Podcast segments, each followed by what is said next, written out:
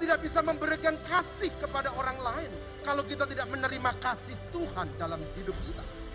Kita tidak bisa melayani orang lain kalau kita belum pernah menerima pelayanan dari Tuhan. Mana mungkin kita bisa menyentuh orang kalau kita tidak pernah disentuh oleh Tuhan. Kita akan menjadi efektif untuk kita bisa menyentuh setiap orang kalau hidup kita sudah disentuh oleh Tuhan. Mustahil kita dapat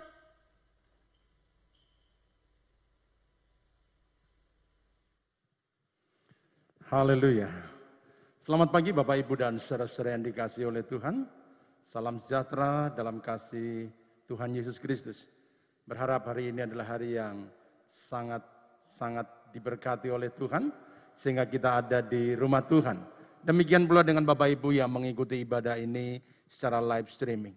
Saudara-saudaraku yang dikasih oleh Tuhan, tidak terasa waktu berlalu dengan begitu cepat sehingga hari ini kita sudah ada di penghujung bulan Januari. Bapak, Ibu, dan saudara-saudara seperti yang disampaikan bahwa setiap minggu kelima, maka ibadah kita menjadi sangat spesial karena ibadah ini akan diwarnai dengan puji-pujian dan penyembahan kepada Tuhan. Tapi pagi hari ini saya ingin mengajak Bapak Ibu saudara sekalian untuk kembali melihat kebenaran firman Tuhan dan kita masih belajar tentang ruang tunggu. Dan saat ini kita sampai pada seri yang ke-8 yang kesembilan.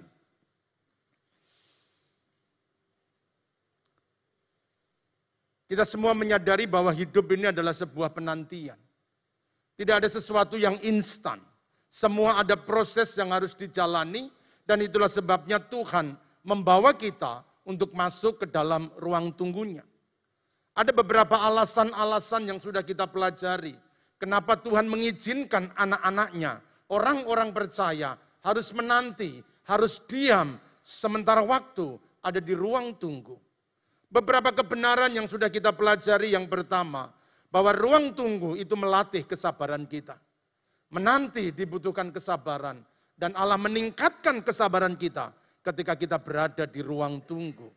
Yang kedua bahwa di ruang tunggu kita menanti untuk diperlengkapi dengan kuasa ilahi. Keberhasilan itu bukan tentang kita. Keberhasilan itu bukan tentang usaha manusia. Keberhasilan itu adalah karya Tuhan bersama-sama dengan kita.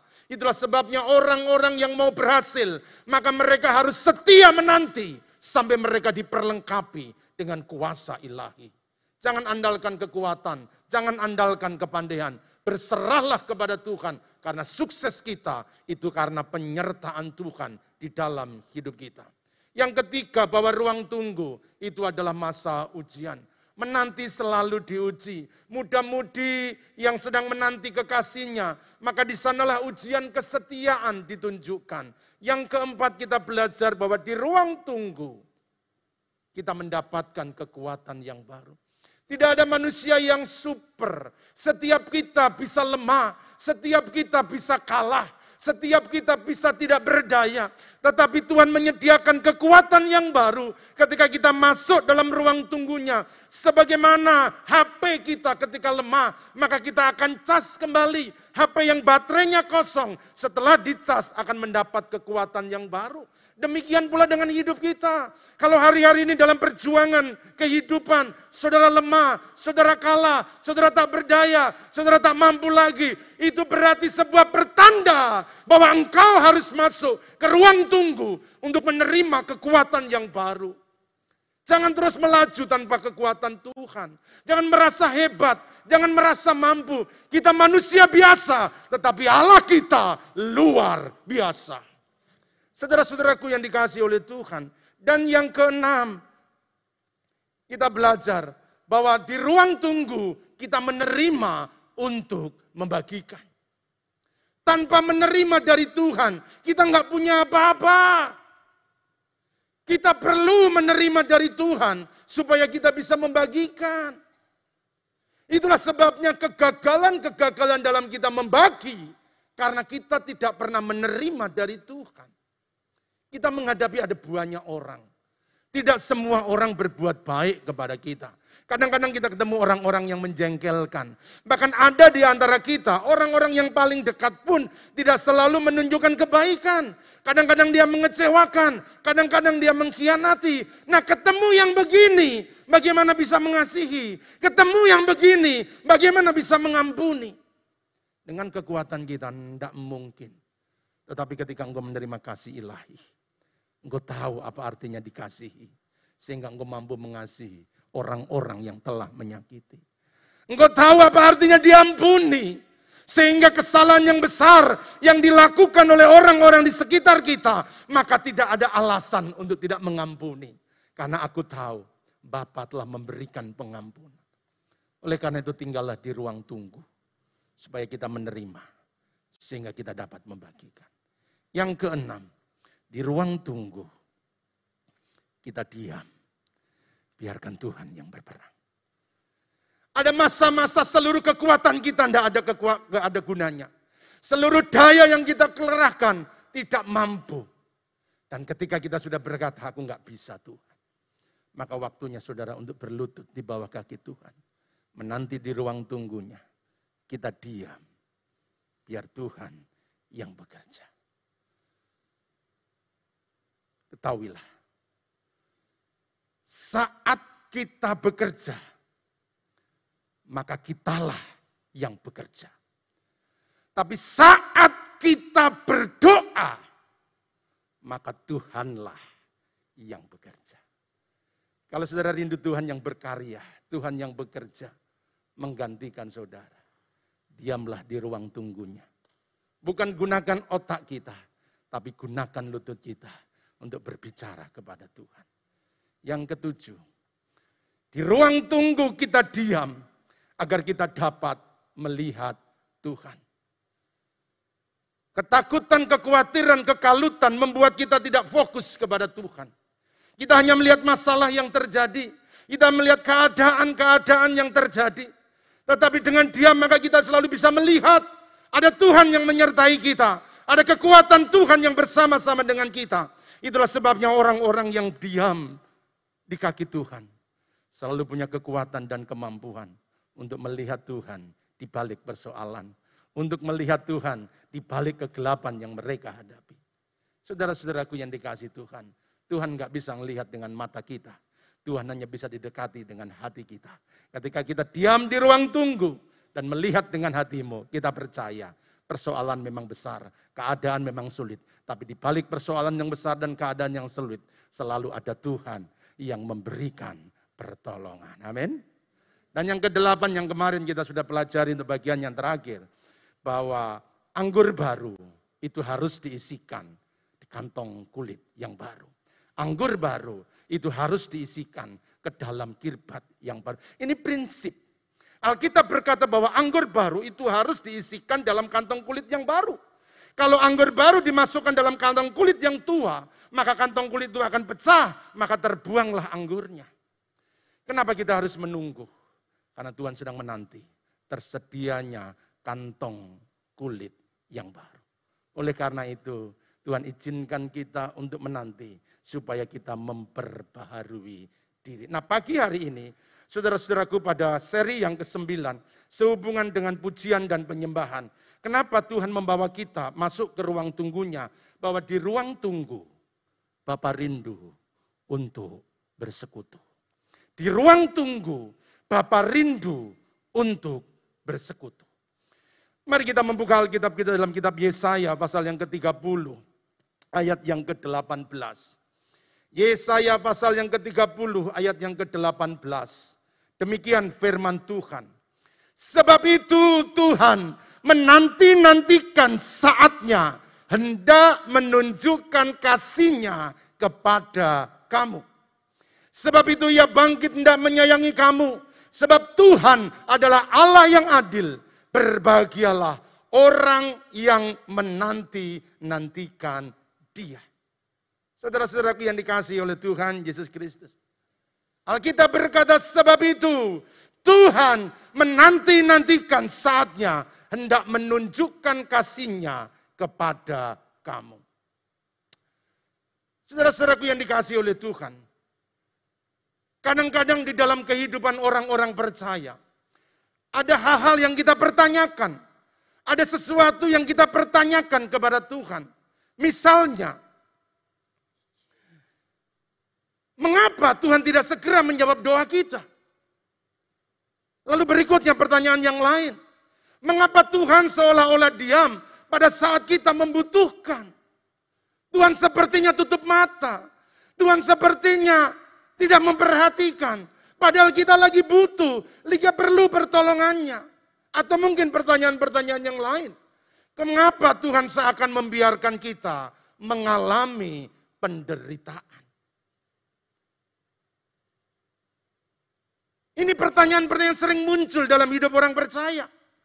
Padahal kita telah setia, kita rajin beribadah, kita setia untuk membaca firman Tuhan, kita juga rajin memberikan persembahan. Kita tidak pernah lupa untuk memberikan persepuluhan. Tapi kenapa saat kita berdoa, Tuhan tidak segera menjawabnya? Mengapa ketika kita membutuhkan pertolongan, di saat-saat yang paling genting, di saat-saat yang paling bahaya, justru seolah-olah Tuhan membiarkannya. Tuhan diam seribu bahasa. Sepertinya Tuhan tutup mata, tidak melihat apa yang sedang kita alami. Saudara-saudaraku yang dikasih oleh Tuhan Yesus Kristus. Ketika Tuhan diam, bukan berarti Tuhan tidak punya jawaban. Ketika Tuhan diam, bukan berarti dia tidak sedang memperhatikan. Kalau Tuhan tidak segera menjawab doa kita. Tuhan tidak segera mengulurkan tangannya untuk menolong anak-anaknya. Bukan berarti dia tidak tahu apa yang kita perlu. Dia tidak mengerti apa yang sedang kita alami. Tetapi satu alasan yang Tuhan inginkan ketika dia seolah-olah diam, ketika dia seolah-olah tidak memberikan pertolongan, sebab dia ingin membangun hubungan. Perhatikan kembali ayat pokok kita.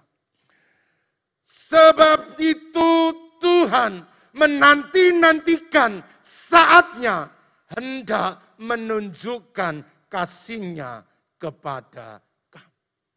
Alkitab dengan jelas sebab itu Tuhan menanti-nantikan waktunya untuk menunjukkan kasihnya, pertolongannya, kebaikannya, cintanya, apa pun yang engkau butuhkan, dia menanti-nantikan. Saudara-saudaraku yang dikasih oleh Tuhan, percayalah. Tuhan tahu yang kita perlu. Namun kadang Tuhan membiarkan kita menunggu di ruang tunggu. Sebab dia rindu untuk bersekutu. Kalau dia diam bukan dia sedang mengulur waktu. Kalau dia diam bukan karena dia membiarkan. Tetapi dia membawa kita masuk ke ruang tunggu. Sebab Bapak lebih rindu untuk bersekutu dengan kita. Tuhan itu rindu untuk memberkati. Tetapi dia membiarkan kita menanti. Sebab kerinduan terbesarnya adalah membangun relasi. Langit dan bumi Tuhan yang punya. Semua ada di tangannya. Yang engkau butuhkan semuanya tersedia. Tetapi kalau dia tidak segera membuka tangannya. Sebab dia rindu membangun hubungan dengan kita. Dia rindu bersekutu dengan kita. Dia rindu memandu cinta dengan kita. Itu yang diinginkan oleh Tuhan. Itu yang diharapkan oleh Tuhan. Saudara-saudaraku yang dikasih oleh Tuhan Yesus Kristus. Bapak tak sekedar rindu untuk memberkati. Kerinduan terdalam dari Tuhan adalah membangun relasi. Itulah sebabnya ketika hubungan manusia itu menjadi putus. Relasi antara Bapak dengan manusia itu hilang. Maka Bapak nggak rela untuk memberikan putranya yang tunggal. Supaya relasi yang putus itu tersambung kembali. Saudara-saudaraku yang dikasih oleh Tuhan Yesus Kristus. Oleh sebab itu kita mesti harus mengerti bagaimana isi hatinya Tuhan. Memberkati itu sangat mudah bagi Tuhan. Menolong itu bukan perkara sukar bagi Tuhan. Tetapi kerinduan terdalamnya adalah membangun relasi. Putranya dari sorga dia utus datang ke dunia. Dan ketika ada di dunia maka dia berjalan melewati daerah Samaria. Dan dia bertemu dengan seorang wanita. Maka dia nyatakan isi hati Bapa yang di sorga. Kerinduan Bapa yang ada di sorga. Dia katakan bahwa Bapa mencari penyembah-penyembah yang benar. Ini yang dicari oleh Bapa. Kita mencari berkatnya, tapi Bapa mencari orangnya. Saudara-saudaraku yang dikasih oleh Tuhan Yesus Kristus. Relasi adalah jalan untuk diberkati. Relasi adalah jalan untuk diberkati. Yohanes 15 ayat yang keempat. Tinggallah di dalam aku dan aku di dalam kamu. Sama seperti ranting tidak dapat berbuah dari dirinya sendiri. Kalau ia tidak tinggal pada pokok anggur. Demikian juga kamu tidak berbuah jikalau kamu tidak tinggal di dalam aku.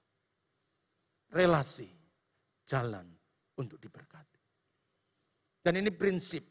Saudara yang membangun usaha, maka relasi itu menjadi penting. Karena relasi jalan untuk diberkati. Orang-orang yang relasinya banyak, orang-orang yang relasinya luas, maka kesempatan-kesempatan untuk berusaha jauh lebih besar dan lebih luas. Dan itu prinsip yang Bapak berikan kepada kita. Kalau kita ingin diberkati, maka jalannya adalah membangun relasi. Tinggallah di dalam aku, dan aku di dalam kamu, sama seperti ranting tidak dapat berbuah dari dirinya sendiri kalau ia tidak tinggal pada pokok anggur. Setiap pohon yang ditanam, kita menantikan buah yang dikeluarkan. Buah itu ada di ranting, tetapi bukan ranting yang menghasilkan buah.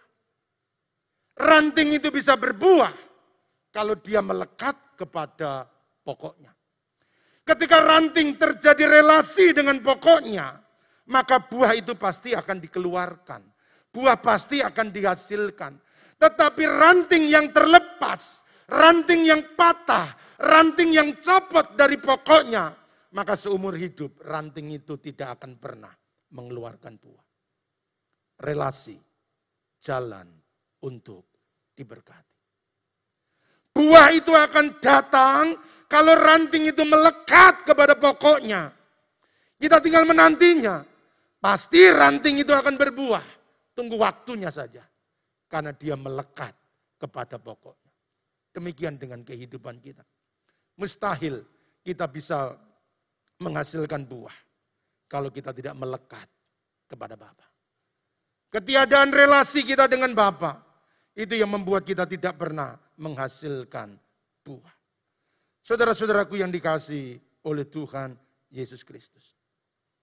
Relasi itu jalan untuk diberkati. Sadarilah bahwa Tuhan itu bukan objek untuk kita pelajari. Tuhan itu adalah pribadi untuk dijumpai. Tuhan itu bukan materi yang bisa kita pelajari. Dia adalah sebuah pribadi untuk kita bisa menikmati. Oleh karena itu dalam ibadah-ibadah kita, seharusnya yang pertama-tama adalah membangun relasi. Ketiadaan kita, tiadaan relasi kita dengan Tuhan, itu yang membuat kita tidak pernah menikmati hadirnya Tuhan di dalam hidup kita. Saudara-saudaraku yang dikasih oleh Tuhan, sekali lagi, memberkati itu bukan persoalan yang sukar buat Tuhan. Tetapi yang dia rindukan adalah membangun relasi.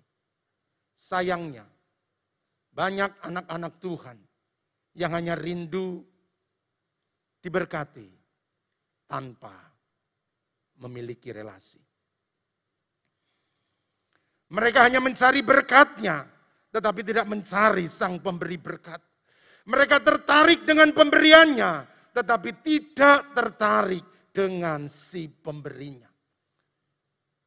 Pagi hari ini mari kita belajar sesuatu. Bahwa yang utama dalam setiap ibadah, setiap persekutuan adalah bagaimana kita terhubung dengan Tuhan. Di mana ada relasi, maka berkat-berkat Tuhan itu akan mengalir. Contoh. Saudara-saudara, saudara sering menjumpai orang-orang yang minta ke rumah saudara atau di jalan-jalan. Berapa yang saudara kasih? Ada yang pernah kasih pengemis 10 ribu?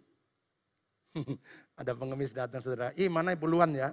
Atau ma, mana ratusan ribu ya? Itu pengemis datang. Enggak paling seribu, banter-banter dua ribu. Yang yang agak murah hati lima ribu. Kalau saudara kasih lima ribu, hari ini datang, minggu depan datang lagi. Tapi pertanyaannya, kenapa saudara tidak pernah memberikan kepada pengemis uang yang banyak? Tetapi beda dengan anak kita kalau dia meminta uang jajan. Apakah kita kasih dua ribu? Kasih seribu enggak. Kita kasih lebih banyak daripada pengemis. Kenapa? Karena dengan anak kita punya relasi. Dengan anak kita punya hubungan. Tapi dengan pengemis kita nggak punya hubungan. Dia datang untuk meminta. Kita nggak kenal dari mana asalnya. Kita nggak pernah terhubung dengan dia. Kita hanya sekedar memberi. Tapi kepada anak kita berikan lebih. Karena kita punya hubungan. Kita punya relasi. Demikian pula dengan Tuhan. Ia menanti-nantikan waktu hendak menyatakan kasihnya kepada kamu. Allah sedang menanti untuk melepaskan berkatnya. Allah itu seperti Bapa yang di belakangnya sedang pegang hadiah. Dia jumpai anaknya. Nah, apa yang kamu perlukan? Nah, apa yang kamu butuhkan? Papa sudah sediakan. Papa tinggal melepaskan. Tapi sayangnya, Anak itu tidak menerima kehadiran Bapa. Yang dia nantikan adalah pemberiannya. Yang dia tunggu-tunggu apa yang dia akan berikan. Padahal Bapak menanti nak. Kamu cuma ngomong I love you Bapak. Aku suka Bapak. Bapak baik. Kalau relasi itu terjadi. Kita nggak perlu minta. Bapak akan lepaskan buat anak-anaknya. Oleh karena itu mari kita cek hubungan kita dengan Tuhan. Mari kita periksa kembali bagaimana relasi kita yang terjalin dengan Bapa di surga. Tuhan menanti-nantikan saatnya hendak menunjukkan kasihnya kepada kamu. Sebab itu ia bangkit hendak menyayangi kamu. Sudah ingat kisah anak yang hilang. Anak itu minta kekayaan dari bapaknya. Lalu ketika dia sudah mendapatkan warisan maka dia pergi. Masa bodoh dengan hubungan dengan bapaknya. Masa bodoh dengan relasi dengan bapaknya. Yang penting aku punya uang, aku pergi, aku senang. Tetapi uang yang dimiliki lama-kelamaan menjadi habis. Dia menjadi merana. Dia tidak punya apa-apa. Dia menderita. Ketika dia menderita, dia ingat. Di rumah bapakku punya banyak hamba. Aku mau pulang. Enggak dianggap menjadi anak, enggak apa-apa. Yang penting jadi salah satu hambanya. Aku bisa makan kenyang cukup. Tetapi apa yang terjadi dengan bapaknya? Ketika relasi itu dipulihkan, anak yang hilang itu kembali kepada bapaknya. Relasi yang telah putus, hubungan yang telah hilang. Dari jauh bapaknya lihat, anaknya kembali. Anaknya pulang, hubungan yang telah putus, hubungan yang telah hilang. Bapak itu bangkit, lalu berlari. Dia mendapati anaknya, dia menciuminya. Memberikan sepatu yang baru dan jubah yang baru. Anaknya nggak minta. Anaknya nggak minta untuk dikasih. Jadi hambanya aja udah cukup. Jadi budak di rumah udah cukup, nggak usah jadi anaknya. Tetapi ketika relasi itu dipulihkan, maka kasih itu diberikan. Saudara-saudaraku yang dikasih oleh Tuhan. Kita nggak banyak waktu pada pagi hari ini. Tetapi satu hal yang ingin saya sampaikan kepada saudara. Mari kita membangun kembali relasi dengan Tuhan. Karena itu yang menjadi kerinduan dari hatinya Tuhan. Dia rindu untuk terhubung. Dia rindu untuk membangun hubungan dengan kita. Dia udah kehilangan kita. Saudara tahu, selain kita, ada makhluk yang mulia yang diciptakan oleh Tuhan. Yaitu malaikat. Dia pelayan-pelayan Tuhan. Tetapi Allah memperlakukan berbeda antara manusia dengan malaikat. Ketika malaikat jatuh dan berdosa, maka Allah buang. Tetapi ketika manusia jatuh dan berdosa, Allah kirim putranya. Allah tebus manusia. Malaikat nggak ditebus oleh Tuhan. Tetapi kita ditebus oleh Tuhan. Malaikat tidak bisa memanggil Bapa, Tetapi kita dilayakkan untuk memanggil dia Bapa Dan kita anak-anaknya. Sebab dia ingin, dia rindu untuk terus bersekutu dengan kita. Betapa besar cintanya Tuhan atas hidup kita. Segala-galanya dia berikan kepada kita.